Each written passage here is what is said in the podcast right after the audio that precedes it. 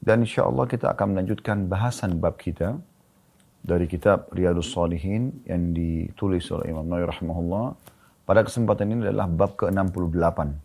Masalah sikap wara dan menghindari syubhat. Mungkin teman-teman bertanya, apa itu wara? Wara itu teman-teman sekalian, salah satu sifat yang harus dimiliki oleh setiap mukmin yang mungkin ini menjadi ciri khasnya kaum muslimin. Jadi tidak semua atau bahkan bisa kita katakan tidak ada agama yang fokus ke masalah sifat wara ini seperti kaum muslimin. Wara artinya meninggalkan sesuatu yang meragukan dari hal-hal yang kemungkinan menjurumuskan pada yang haram. Jadi belum masuk kepada yang haram. Kalau haram sudah jelas harus ditinggalkan. Sesuatu yang meragukan saja sehingga bisa mengganggu keimanan seorang mukmin dan menurunkan kualitasnya, maka itu dijauhi. Nah dengan menjauhi sifat keraguan-raguan seperti ini, sehingga akhirnya mengamankan level imannya, namanya wara. Dan para ulama fokus banyak dalam buku-buku mereka menjelaskan tentang masalah wara ini dan bagaimana besarnya kedudukannya di sisi Allah Subhanahu wa taala dan dalam syariat Islam. Makanya Imam Nawawi rahimahullah mengkhususkan bab di kitabnya Riyadus Salihin di bab 68 bab tentang sikap wara.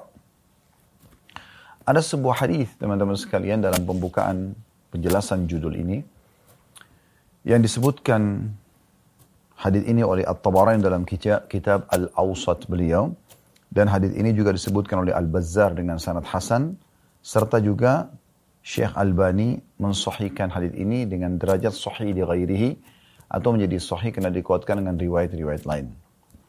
Kata Nabi SAW, Fadlul ilmi khairu min fadlul ibadah. Sungguh keutamaan menuntut ilmu itu dan memiliki ilmu jauh lebih mulia daripada memperbanyak ibadah. Wa khairu dinukum wara. Dan ketahuilah sebaik-baik bagian daripada agama kalian adalah al-wara. Apa makna hadis ini teman-teman sekalian? Maksudnya adalah seorang muslim dianjurkan fokus menuntut ilmu terlebih dahulu.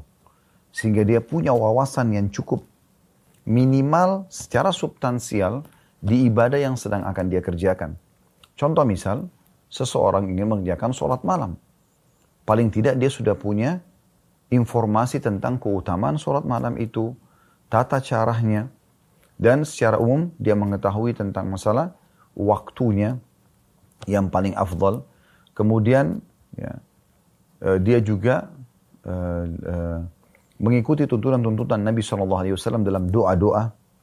Sehingga dia punya informasi. Lalu dia mengerjakan ibadah tersebut. Sehingga ibadah itu sesuai dengan tuntunan. Bukan hanya dilakukan sesuai dengan hawa nafsu atau semaunya saja. Jadi ilmu itu lebih penting daripada ibadah itu sendiri. Walaupun dia bagian daripada ibadah. Orang menuntut ilmu adalah ibadah kepada Allah Subhanahu wa taala. Tapi yang dimasukkan adalah untuk mengerjakan sebuah aktivitas ibadah tertentu seperti sholat, puasa, haji, umrah, apa apa aja zakat, uh, semuanya kita harus tahu dengan ilmu yang benar. Makanya Nabi SAW mengatakan keutamaan ilmu dan orang yang berilmu itu lebih besar daripada orang yang orang yang beribadah. Ini sejalan dengan hadis Nabi SAW yang lain. Perbedaan antara orang yang berilmu dan terkadang dengan orang yang suka ibadah tapi tidak punya ilmu. Tentu di sini kalau orang sudah punya ilmu dia akan beribadah. Tapi maksudnya orang yang punya ilmu dan beribadah sementara orang yang beribadah tanpa ada ilmunya, perumpamannya ini seperti posisi aku kata Nabi SAW dibandingkan dengan orang yang paling rendah di antara kalian. Jadi seorang yang punya ilmu itu duduk tinggi, kedudukannya tinggi sekali di sisi Allah Subhanahu Wa Taala dan di dalam pandangan agama Islam. Kemudian kata Nabi SAW setelah itu merangkumkan di akhir hadisnya mengatakan wa khairu dinakum al-wara' Dan ketahuilah sebaik-baik bagian agama kalian adalah al-wara. Sekali lagi al-wara adalah meninggalkan hal-hal yang meragukan ya, sehingga bisa mengurangi kualitas iman. Atau bisa kita bahasakan juga dalam menjaga hubungan baik dengan Allah subhanahu wa ta'ala dengan sedetail mungkin. Ibaratnya kalau Anda bekerja di satu perusahaan, bagaimana Anda menjaga hubungan baik dengan bos Anda, dengan atasan Anda, supaya dia selalu tertarik dengan Anda, dia selalu memberikan peluang-peluang untuk mendapatkan bonus-bonus di perusahaan, uh, meningkatkan level uh, pekerjaan, itu uh, dilakukan oleh sebagian pegawai yang cerdas dan memang dia ya, faham bagaimana dia menilai nikmat yang sedang ada.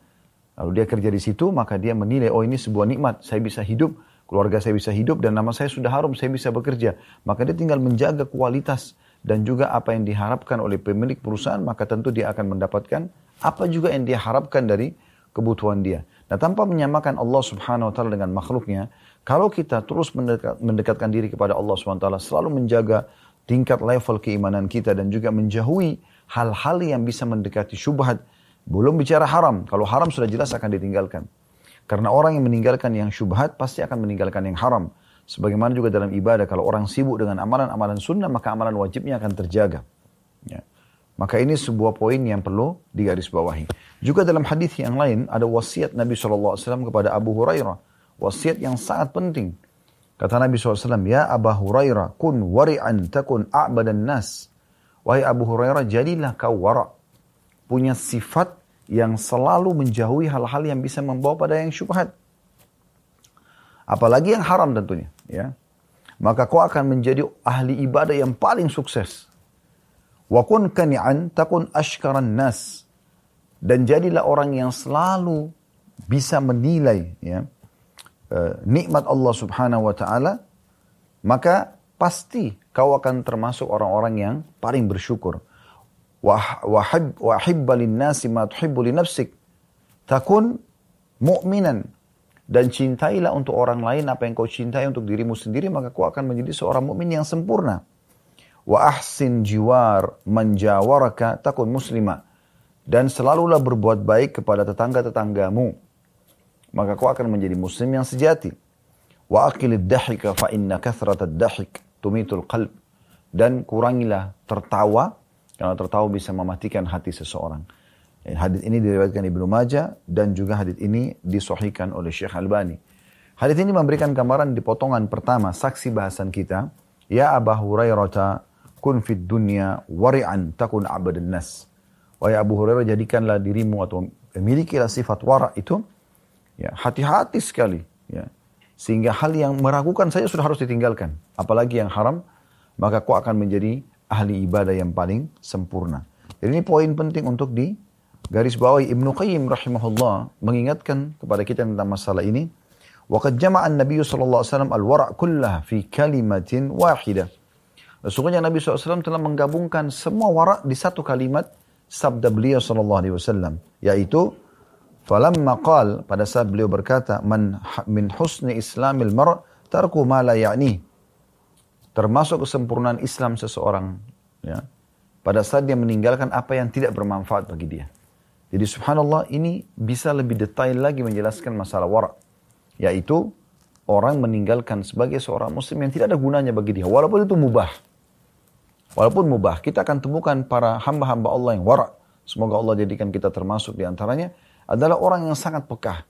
Dia akan merasa rugi sekali waktunya di saat tidak berisi hal-hal yang bermanfaat yang nanti akan dia bahagia melihatnya pada saat diperlihatkan di buku amalnya pada hari kiamat nanti. Jadi dia akan merasa rugi kalau hanya duduk-duduk kosong, ngobrol kosong sama teman-temannya, atau pada hal-hal yang memang mubah tapi terlalu banyak dia lakukan. Ada orang kadang-kadang duduk makan sampai 3-4 jam, 5-6 jam, membuang-buang waktu. Untuk apa? Padahal makan itu hanya butuh beberapa menit saja. Kalaupun harus duduk ngobrol sama temannya, maka dia bisa ngobrol secukupnya. Dia tidak harus membuang-buang waktu. Ada orang kadang-kadang mungkin untuk menghabiskan waktu makan siang saja dari sebelum duhur sampai menjelang asar. Waktu 2-3 jam dipakai, padahal sebenarnya bisa diselesaikan hanya dengan setengah jam, 15 menit, 20 menit cukup. Dia harusnya bisa bergerak pada lain walaupun makan itu mubah dasarnya. Kecuali ada hubungannya dengan masalah kegiatan-kegiatan yang lain. Misalnya memang dia undangan, jadi jadi jadi tamu undangan di satu acara atau dia memang datang untuk mengisi acara atau misalnya uh, dia ada di uh, apa namanya dia uh, duduk kemudian tiba-tiba kedatangan tamu dan dia harus melayani mereka gitu kan. Maka semua ini mungkin berbeda. Tapi di saat orang hanya duduk kosong buang-buang waktu yang tidak ada gunanya maka ini akan mengganggu sifat waraknya.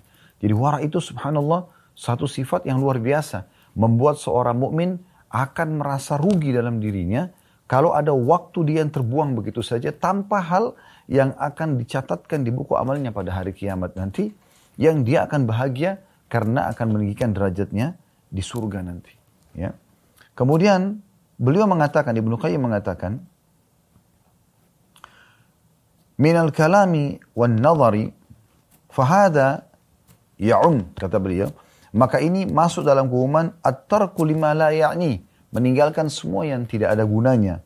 Minal kalami wan nadhari wal istima'i wal batsh wal mashi wal fikr wa sair al harakat al zahirati wal batinah fahadhil kalimatu kafiyatun syafiyatun fil wara' Beliau mengatakan hadis ini berarti menjelaskan kepada kita ya, bahwasanya meninggalkan yang tidak bermanfaat itu mencakup perkataan, pandangan, mendengaran, bertindak anarkis, berjalan, berfikir, aktivitas lainnya baik yang lahir, yang kelihatan ataupun yang batin.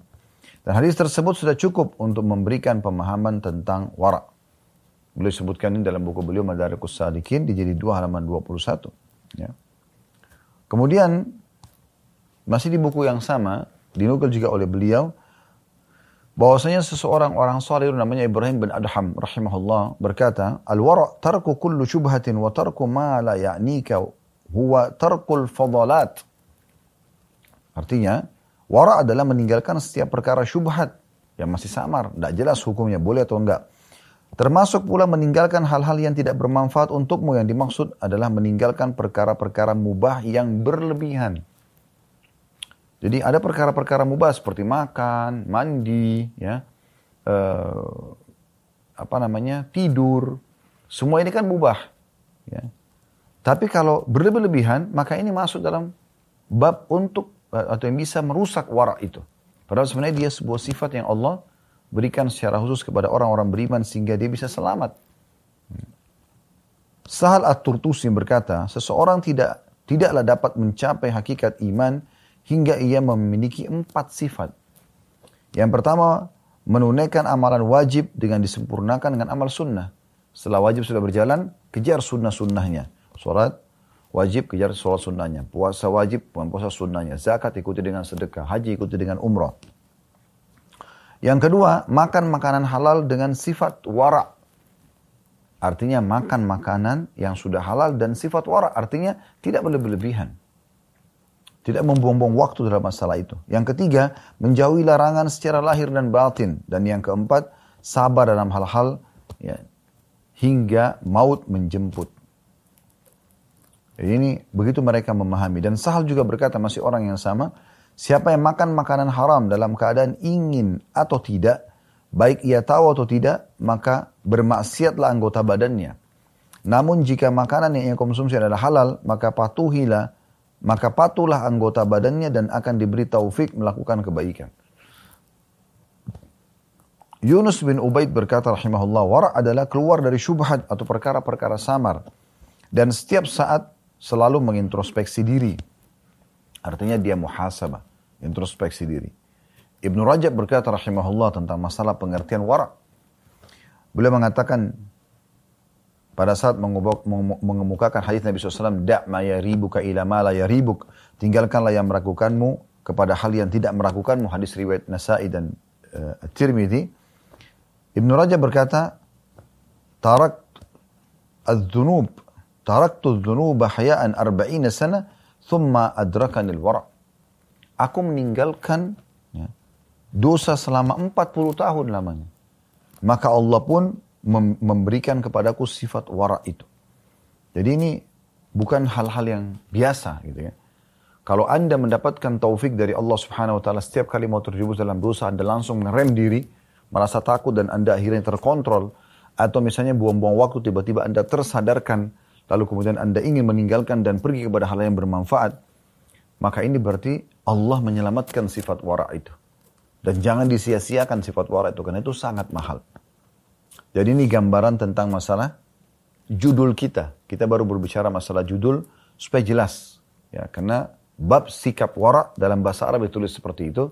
Walaupun setelahnya ada terjemahannya. Dan menghindari syubhat. Maksudnya adalah ini sudah mewakili makna wara itu. Bagaimana seseorang muslim menjaga hubungan baiknya sama Tuhannya.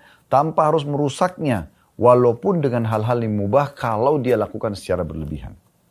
Jadi semua ini kita lakukan secukupnya. Makan secukupnya, minum secukupnya, tidur secukupnya, bergaul secukupnya. Secukupnya semua. Dan usahakan semua punya makna. Semua punya makna ibadah yang akan dicatat di buku amal kita. Semoga Allah SWT mudahkan. Baik kita akan angkat atau bacakan dalil-dalil yang disebutkan oleh Imam Nawawi rahimahullah. Beliau mengangkat dua buah ayat Al-Quran kemudian beliau akan masuk ke hadis yang beliau sampaikan sebagaimana memang dasar daripada isi buku ini adalah hadis-hadis Nabi alaihi salatu wassalam.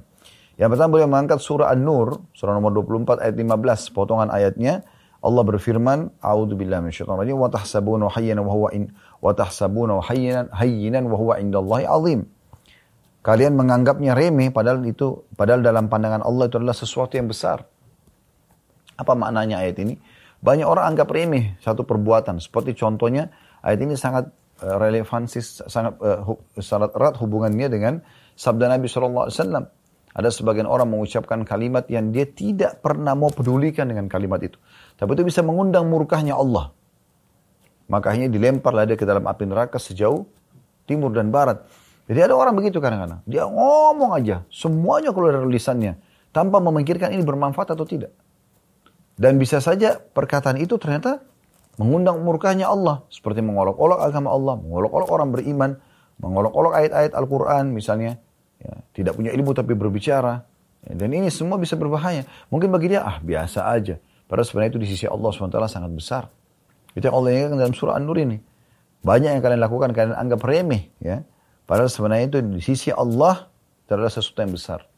Perlu teman-teman tahu ya, surah An-Nur ini ayat 15 berbicara tentang kisah ifk.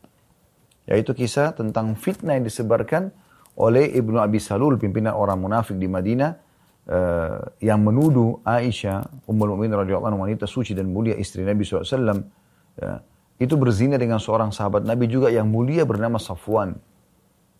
Sampai Nabi SAW mengatakan, mengapa ada orang yang menyebarkan isu yang tidak benar tentang istriku, yang aku tidak tahu kecuali kebaikan darinya, dan juga tentang seorang sahabat, misalnya Safwan, yang aku tidak pernah dia masuk rumahku kecuali bersamaku. Bagaimana bisa difitnah kalau mereka berzina? Ya. Kemudian menjadi gosip lah pada saat itu di Madinah. Bagaimana menjadi sebuah gosip yang memanas karena seorang istri Nabi dan seorang ya, istri raja pada saat itu di Madinah berzina atau selingkuh. Padahal ini tidak benar, ini semua isu gosip saja. Makanya banyak di antara orang menukil-nukil informasi atau gosip ini tanpa memikirkan efeknya. Maka Allah SWT mengatakan, sayangnya kalian menganggap itu adalah remeh, padahal di sisi Allah adalah besar. Maksudnya dosa besar. Ini bukan main-main. Menuduh istri Nabi SAW berzina. Dan subhanallah dalam surah An-Nur ini pun Allah menurunkan ayat-ayat Al-Quran dikenal dengan ayat pembebasan Ummul Mukminin Aisyah radhiyallahu dari tuduhan tersebut dan siapa pun yang membaca surah An-Nur akan terlintas tentang kejadian tersebut dan pembebasan Ummul Mukminin Aisyah terjadi dari mulai turun ayat ini sampai menjelang hari kiamat nanti. Jadi harus hati-hati. Untuk apa teman-teman kita sibuk menggosipin seseorang muslim, membicarakan sesuatu yang uh, yang kita anggap aib pada dirinya. Pernah Nabi SAW bertanya kepada para sahabat, apakah kalian tahu apa itu gibah? Apa itu menceritakan aib orang? Kata para sahabat, Allah dan Rasulnya lebih tahu ya Rasulullah. Kata Nabi SAW, ya, Gibah adalah engkau menyebutkan sesuatu yang ada pada saudaramu. Dan dia tidak suka disebutkan. Maka ada seorang sahabat mengatakan, Ya Rasulullah, bagaimana kalau yang saya sebutkan itu ada padanya? Emang dasarnya ada pada dia. Mungkin aib fisiknya, ya, mungkin aib di akhlaknya, mungkin ada kekurangan dalam rumah tangganya, eh, pendidikan anaknya, kendaraannya, pekerjaannya, dan segala macam. Bagaimana kalau dasarnya ada? Kata Nabi SAW, kalau ada, kau telah menggibahnya. Kau telah menggunjingnya. Ya, dosa besar. Dan kalau tidak ada padanya, kau telah berdusta atasnya. Jadi ini tidak benar. Kalau kita melihat ada satu kekurangan pada diri seorang muslim, tugas kita pada saat itu dua. Yang pertama, kita bersyukur dulu kepada Allah karena tidak ada pada diri kita. Kata Nabi SAW, tidak ada seseorang yang melihat ada aib pada orang lain yang tidak ada pada dirinya. Ya, maka sebaiknya dia mengucapkan alhamdulillahilladzi afani mimma btala bihi. Segala puji bagi Allah yang telah menyelamatkan aku dari apa yang diujikan kepada orang ini. Wa faddalani ala katsiri mimma khalaqa tafdila dan telah mendahulukan aku dengan kelebihan yang banyak dibandingkan hamba-hambanya yang lain. Jadi jelas sekali bagaimana kita harus bersyukur kepada Allah karena aib yang kita lihat itu tidak ada pada diri kita. Bukan untuk kita sebarluaskan aib tersebut. Dan yang kedua, nasihati dan berikan masukan. Mungkin pakaiannya keliru, mungkin cara jalannya keliru, mungkin lisannya kurang baik, mungkin sisiran rambutnya kurang rapi, mungkin, mungkin segala macam. Kekurangan ini harusnya menjadi ajang pahala buat kita. Apa salahnya kalau kita minta waktu sama dia, maaf saya ingin bicara sebentar. Kemudian kita sampaikan baik-baik. Kalau ya eh, tadi saya lihat seperti ini, menurut saya seperti ini, Allah alam. Mungkin saya benar atau saya salah. Kalau itu benar mungkin bisa diambil. Orang umumnya kalau orang masih menggunakan akal sehatnya dia akan bisa terima masukan. Selesai. Setelah itu kita tidak usah lagi nyebarin ke orang-orang, oh saya sudah nasihatin si fulan, atau saya begini dan begitu. Cukup antara kita sama Allah subhanahu wa ta'ala. Nah ini harus dilakukan dan difahami oleh setiap muslim. Kalau ada aib pada diri seseorang yang lain. Kekurangan yang ada pada orang lain, terutama dalam masalah agama adalah ajang pahala buat kita. Bukan ajang gosip. Bukan justru kita menyebarkan itu sebagai sebuah aib. Kemudian ayat yang kedua yang diangkat oleh beliau adalah surah Al-Fajr ayat 14. Ayat ini tegas sekali. Bagaimana Allah Azza wa Jal memastikan Allah itu betul-betul selalu mengawasi dan detail. Tidak ada yang luput darinya. Dalam potongan ayat ini Al-Fajr ayat 14, Inna rabbaka labil mirsad. Sesungguhnya hai Muhammad Tuhanmu benar-benar mengawasi dengan teliti. Dan dalam surah An-Nisa juga begitu Allah sebutkan, Inna Allah kana alaikum raqiba. Sesungguhnya Allah senantiasa mengawasi kalian. Jadi jangan pernah tahu, jangan pernah menyangka Allah tidak mengawasi kita. Allah mengetahui semua gerak-gerik kita. Semoga Allah memaafkan yang lalu-lalu yang keliru dan kurang dari kita. Dan semoga Allah menerima amal-amal soleh yang sudah pernah kita kerjakan dan juga akan kita kerjakan sampai menjelang ajal nanti dengan pahala yang sempurna. Karena memang itu yang kita butuhkan. Baik, kita akan masuk ke hadis pertama yang ditulis oleh Imam Nawawi rahimahullah dalam bab ini. Bab ke-68 adalah hadis nomor 593. Dari An-Nu'man bin Bashir radhiyallahu anhuma, An-Nu'man sahabat, Bashir juga sahabat. Kita mengatakan radhiyallahu anhuma. Beliau berkata, saya mendengarkan Rasulullah sallallahu alaihi wasallam bersabda, "Innal halala bayyinun wa innal harama bayyinun wa bainahuma mushtabihat." La ya'lamuhunna katsirun minan nas. Faman ittaqa asy-syubhat istabra'a li dinihi wa 'irdihi, wa man waqa'a fi asy-syubhati waqa'a fil haram. Karra'i yar'a hawla al-hima yushiku an yarta'a fihi. ألا وإن لكل ملك حمى ألا وإن حمى الله محارمه ألا وإن في الجسد المضغة idza salahat salahal jasadu kullu wa idza fasadat fasadal jasadu kullu ala wahiyal qalb. Artinya, sesungguhnya yang halal itu sudah jelas dan juga yang haram sudah jelas. Dan di antara keduanya ada hal-hal yang samar. Dan di antara keduanya ada hal-hal yang samar yang tidak diketahui oleh banyak oleh orang-orang, oleh banyak orang.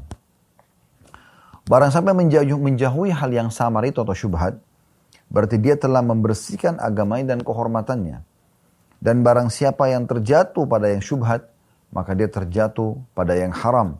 Seperti seorang pengembala yang mengembala di sekitar tanah, lapak, tanah larangan, dia tidak terpelosok, dia bisa terpelosok dalamnya.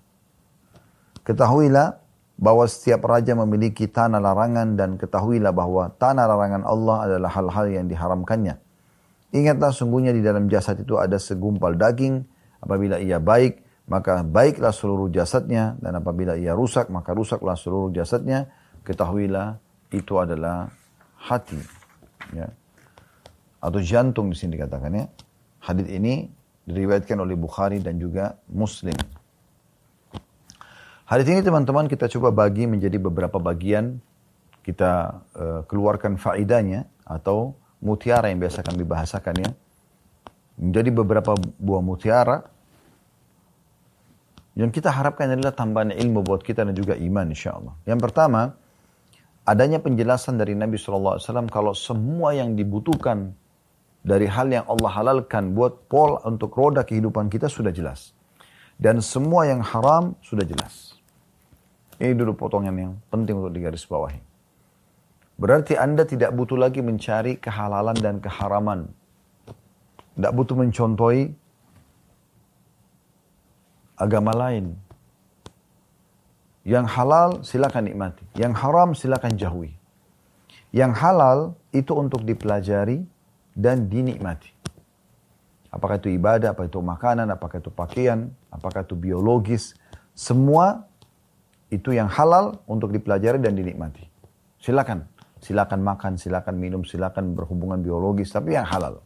Lima huruf ini, halal. Kemudian hal-hal yang haram juga sudah jelas.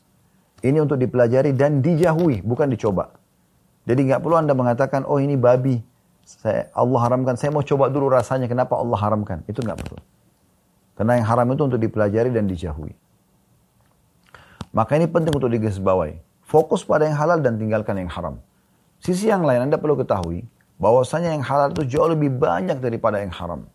Jauh lebih banyak daripada hal yang haram. Lalu kenapa harus yang haram?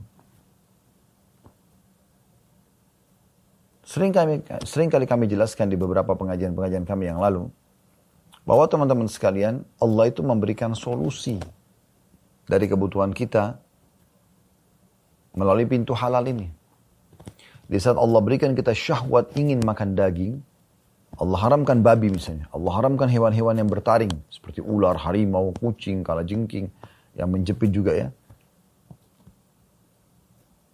Namun teman-teman sekalian di sisi yang lain Allah memberikan kita kehalalan. Seperti misalnya halalnya sapi, kambing, ayam, kelinci, semua hewan air. Berarti halal lebih banyak. Kalau Allah berikan kita syahwat dan tubuh kita butuh nutrisi dari daging, daging hewan misalnya, Benar Allah haramkan semua daging, mungkin wajar kita turun pada yang haram. Tapi ini tidak. Justru yang halal lebih banyak. Ada kelinci, ada ayam, ada sapi, ada kambing, ada unta. Kenapa harus babi? Kan gitu. Juga pada saat Allah haramkan minuman keras. Yang beralkohol segala macam. Allah berikan susu, madu, sirup, air putih, banyak ganti. Allah haramkan zina, Allah buka pintu nikah. Silakan lampiaskan, bahkan punya keturunan banyak, tidak masalah. Tapi dengan cara yang halal. Jadi poin penting dan mutiara pertama dari hadis atau dari hadis yang perlu kita garis bawahi tentang masalah yang halal sudah jelas dan yang haram sudah jelas. Jadi yang halal itu untuk dinikmati dan kejar pahala di situ, serta yang haram untuk dijauhi. Pelajaran yang kedua, pelajaran yang kedua. Wabainahuma mushtabihat. Dan di antara dua tadi yang halal dan haram itu ada yang mushtabihat. Apa itu mushtabihat? Yang tidak jelas hukumnya. Boleh nggak ya kita? Nah Nabi SAW berikan jawaban tentang mushtabihat ini. Kata beliau, La ya'lamuhunna kathirun minan nas. Banyak orang tidak faham itu. Boleh atau tidak bolehnya. Famanittaka syubhati famanittaka syubhati istabra' di dini wa irdi. Barang siapa yang telah meninggalkan hal yang syubhat, samar-samar boleh nggak sih? Maka dia telah menyelamatkan kehormatan agama dan dirinya. Nah, ini poin penting tentang masalah syubhat. Adanya hal yang syubhat. Ini makanan halal nggak sih? Kita ragu nih. Nggak ada label halal nih. Ya sudah tinggalkan saja. Selesai. Itu syubhat namanya. Dan ini sifat warak. Karena kita tidak berani khawatir itu ada haramnya. Karena makanan dan minuman haram yang masuk ke dalam tubuh, sengaja atau tidak sengaja punya efek. Masuk dalam sabda Nabi SAW, ada seseorang yang rambutnya berantakan, bajunya berantakan, tidak punya alas kaki. Orang yang susah. Lalu dia mengatakan, Ya Rob, Ya Rob, wahai Tuhanku, wahai Tuhanku, minta. Bagaimana Allah kasih dia? Sementara makanan haram, makanannya haram, minumannya haram, pakaiannya haram. Anna yustajabulah. Bagaimana Allah akan terima?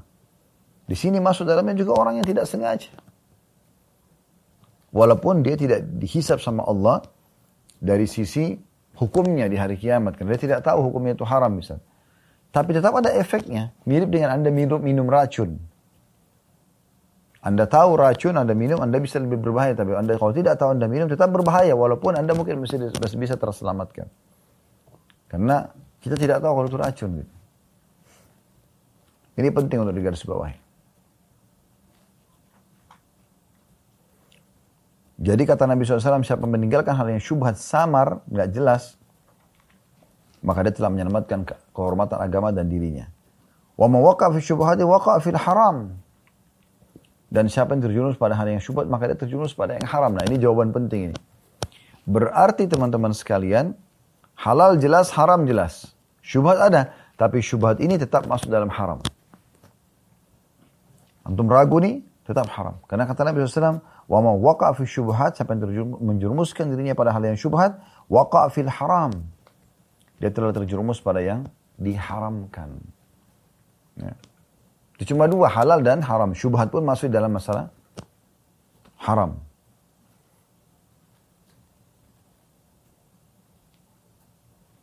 Dan termasuk sifat warak teman-teman sekalian adalah tidak tergesa-gesa untuk mengambil sebuah keputusan hanya karena menganggap remeh. Ya.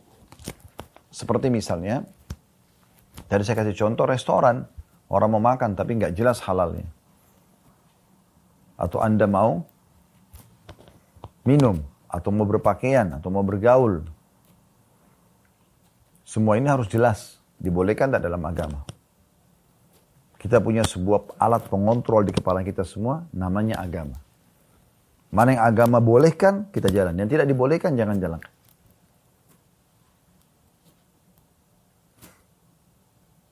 Kemudian Nabi SAW gambarkan yar'a hawla al-hima yushiku an yarta'a fih. Seperti pengembala domba yang datang ke satu tempat ya, yang sebenarnya itu tidak bisa mengembara situ. Dan dia terancam sekali untuk kena hukuman atau terperosok dalam kesalahan.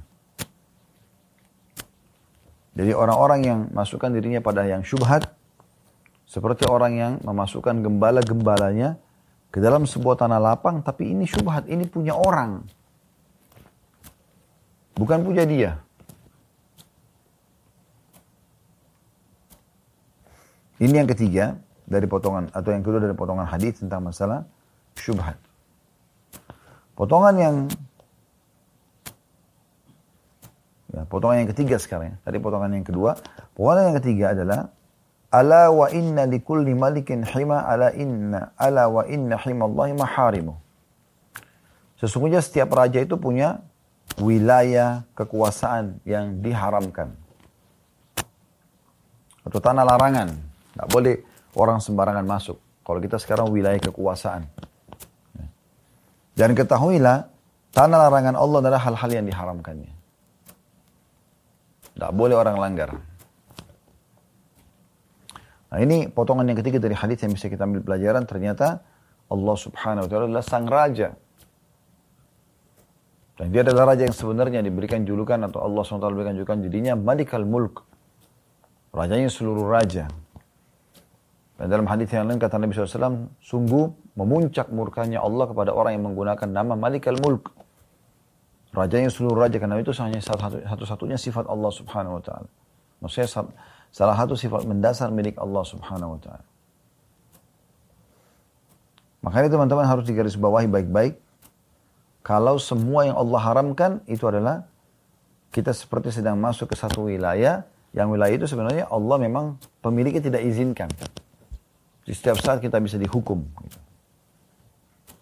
Kemudian yang terakhir dari hadis ini, yang keempat adalah informasi tentang adanya raja di dalam tubuh kita. Ala wa inna fil jasadil mudha, sesungguhnya dalam diri manusia itu ada segumpal darah idza salahat salahal jasadu kullu kalau dia baik maka baik seluruh jasad ini. Wa idza fasadat fasad jasadu kullu. Dan kalau dia rusak rusak lain lainnya ala wahyal qalb. Ketahuilah itu adalah jantung manusia. Jadi artinya semua bermula dari situ. Kalau jantung kita baik, bersih, ya, maka semua akan aman. Baik, ini hadis yang kita pelajari pada yang pertama dari hadis-hadis ini dan kita akan coba masuk ke hadis yang kedua di bab kita. Di dalam hadis ini nomor 594 berbunyi dari Anas radhiyallahu anhu anna Nabi sallallahu alaihi wasallam wajada tamratan fi tariq faqala laula anni akhafu an takuna min as-sadaqati la akaltuha. Hadis ini riwayat Bukhari Muslim. Nabi SAW pernah menemukan satu butir kurma di jalan. Maka beliau SAW bersabda, seandainya aku tidak khawatir bahwa kurma ini adalah berasal dari sedekah, niscaya aku akan memakannya. Makna global hadis ini teman-teman perlu anda ketahui bahwasanya Nabi SAW tidak terima sedekah. Beliau hanya menerima hadiah. Dan beliau melarang keluarganya untuk menerima sedekah. Dan mengatakan itu adalah kotorannya manusia. Gitu kan. Maka termasuk sifat waraknya Nabi SAW adalah sebagaimana dijelaskan dalam hadis ini. Beliau menemukan sebutir kurma di pinggir jalan karena beliau tahu bahwasanya Nabi SAW, uh, eh, beliau tahu bahwasanya Allah Subhanahu Wa Taala melarang beliau untuk ya, melakukan hal yang syubhat apalagi haram, maka beliau ragu, ini kurmanya boleh nggak? Dan sisi lain beliau juga tahu membuang makanan dosa dan makan makanan sehingga tidak ada sisanya itu adalah bagian daripada sunnah. Tapi itu kan harus milik sendiri. Sementara ini bukan milik beliau Sallallahu Alaihi Wasallam. Maka ini membuat Nabi SAW tidak mau makan kurma tersebut dan beliau mengingatkan umatnya dan pada hari ini sampai kepada kita semua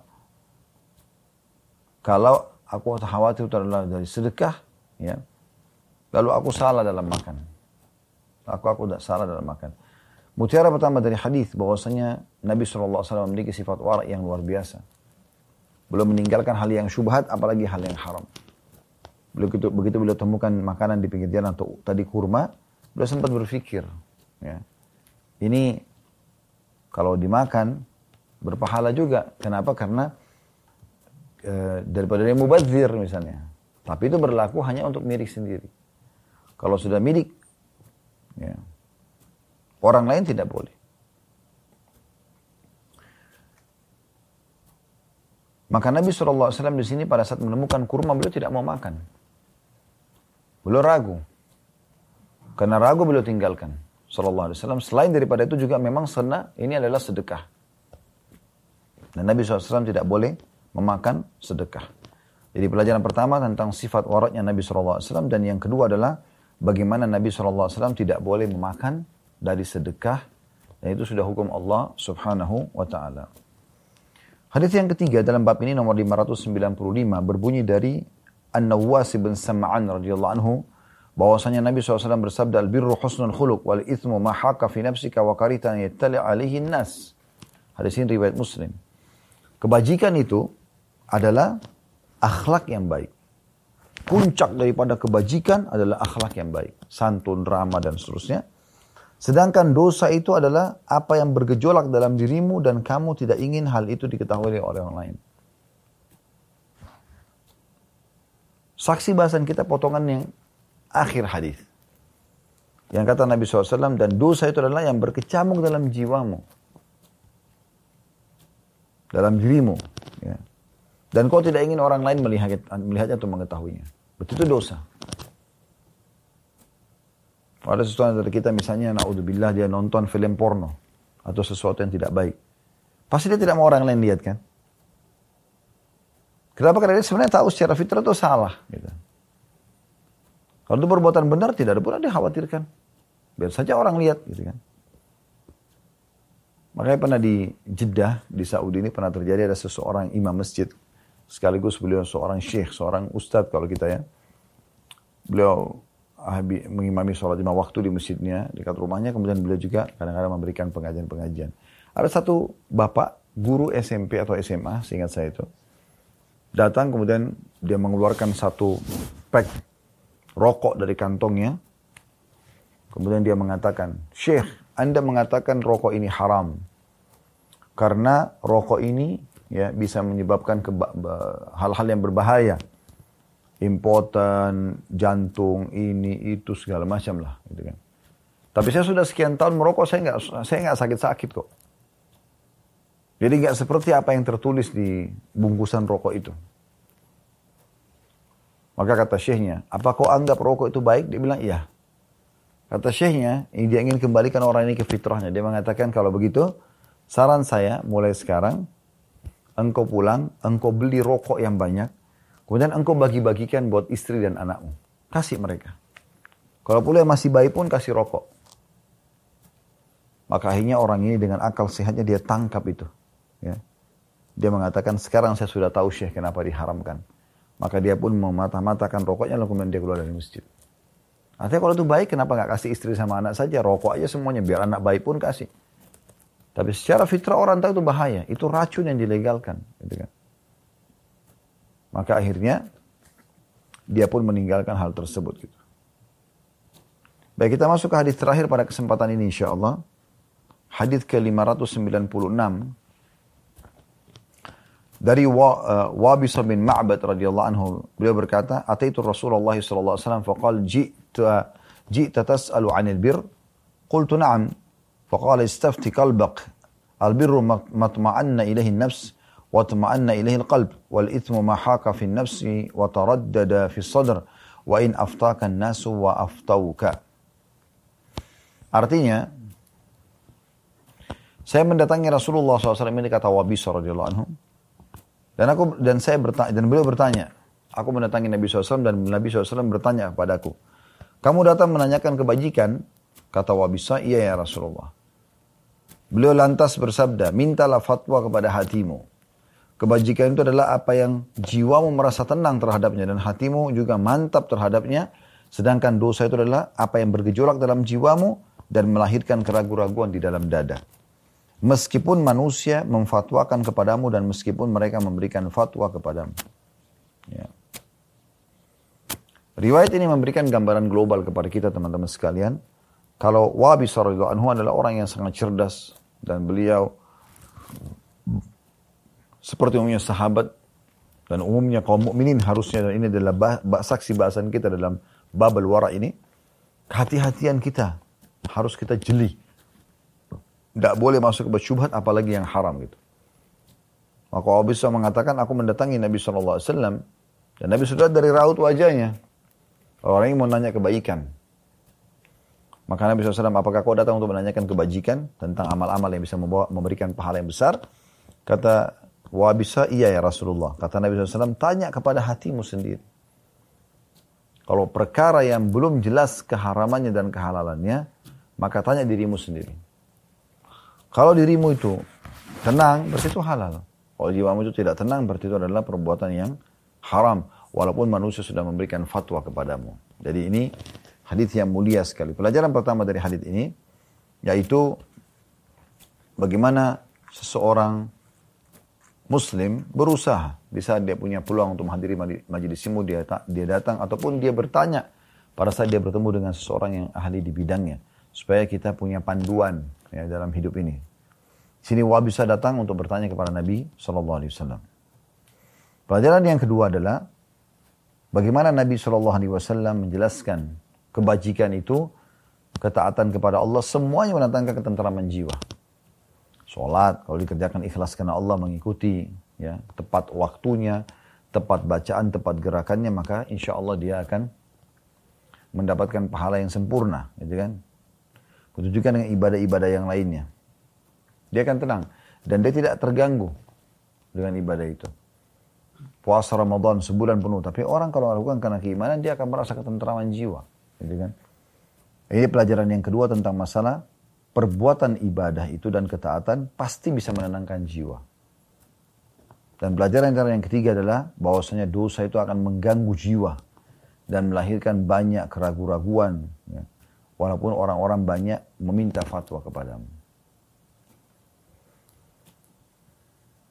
Jadi kita harus garis bawahi teman-teman sekalian. bahwasanya Allah masih memberikan kita sebuah perangkat. Ingat ya, batasannya begini. Pada satu perbuatan yang belum jelas keharamannya.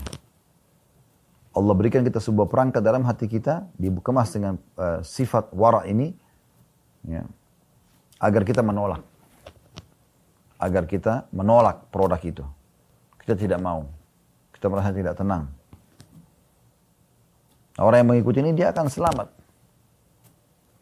Tapi kalau perkara itu sudah jelas keharamannya, keharamannya tidak perlu lagi kita menanyakan hati kita.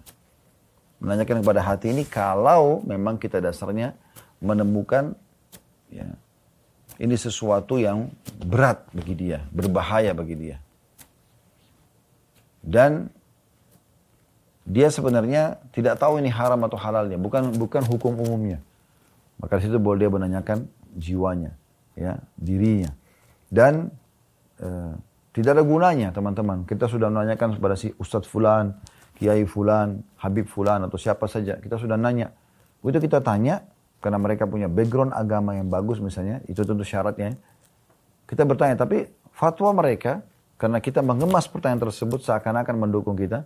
Kita membuat hati kita tidak tenang. Berarti ini ada masalah ini. Karena ada sebagian orang subhanallah datang bertanya masalah agama. Dia kemas pertanyaan tersebut supaya sesuai dengan apa yang dia inginkan.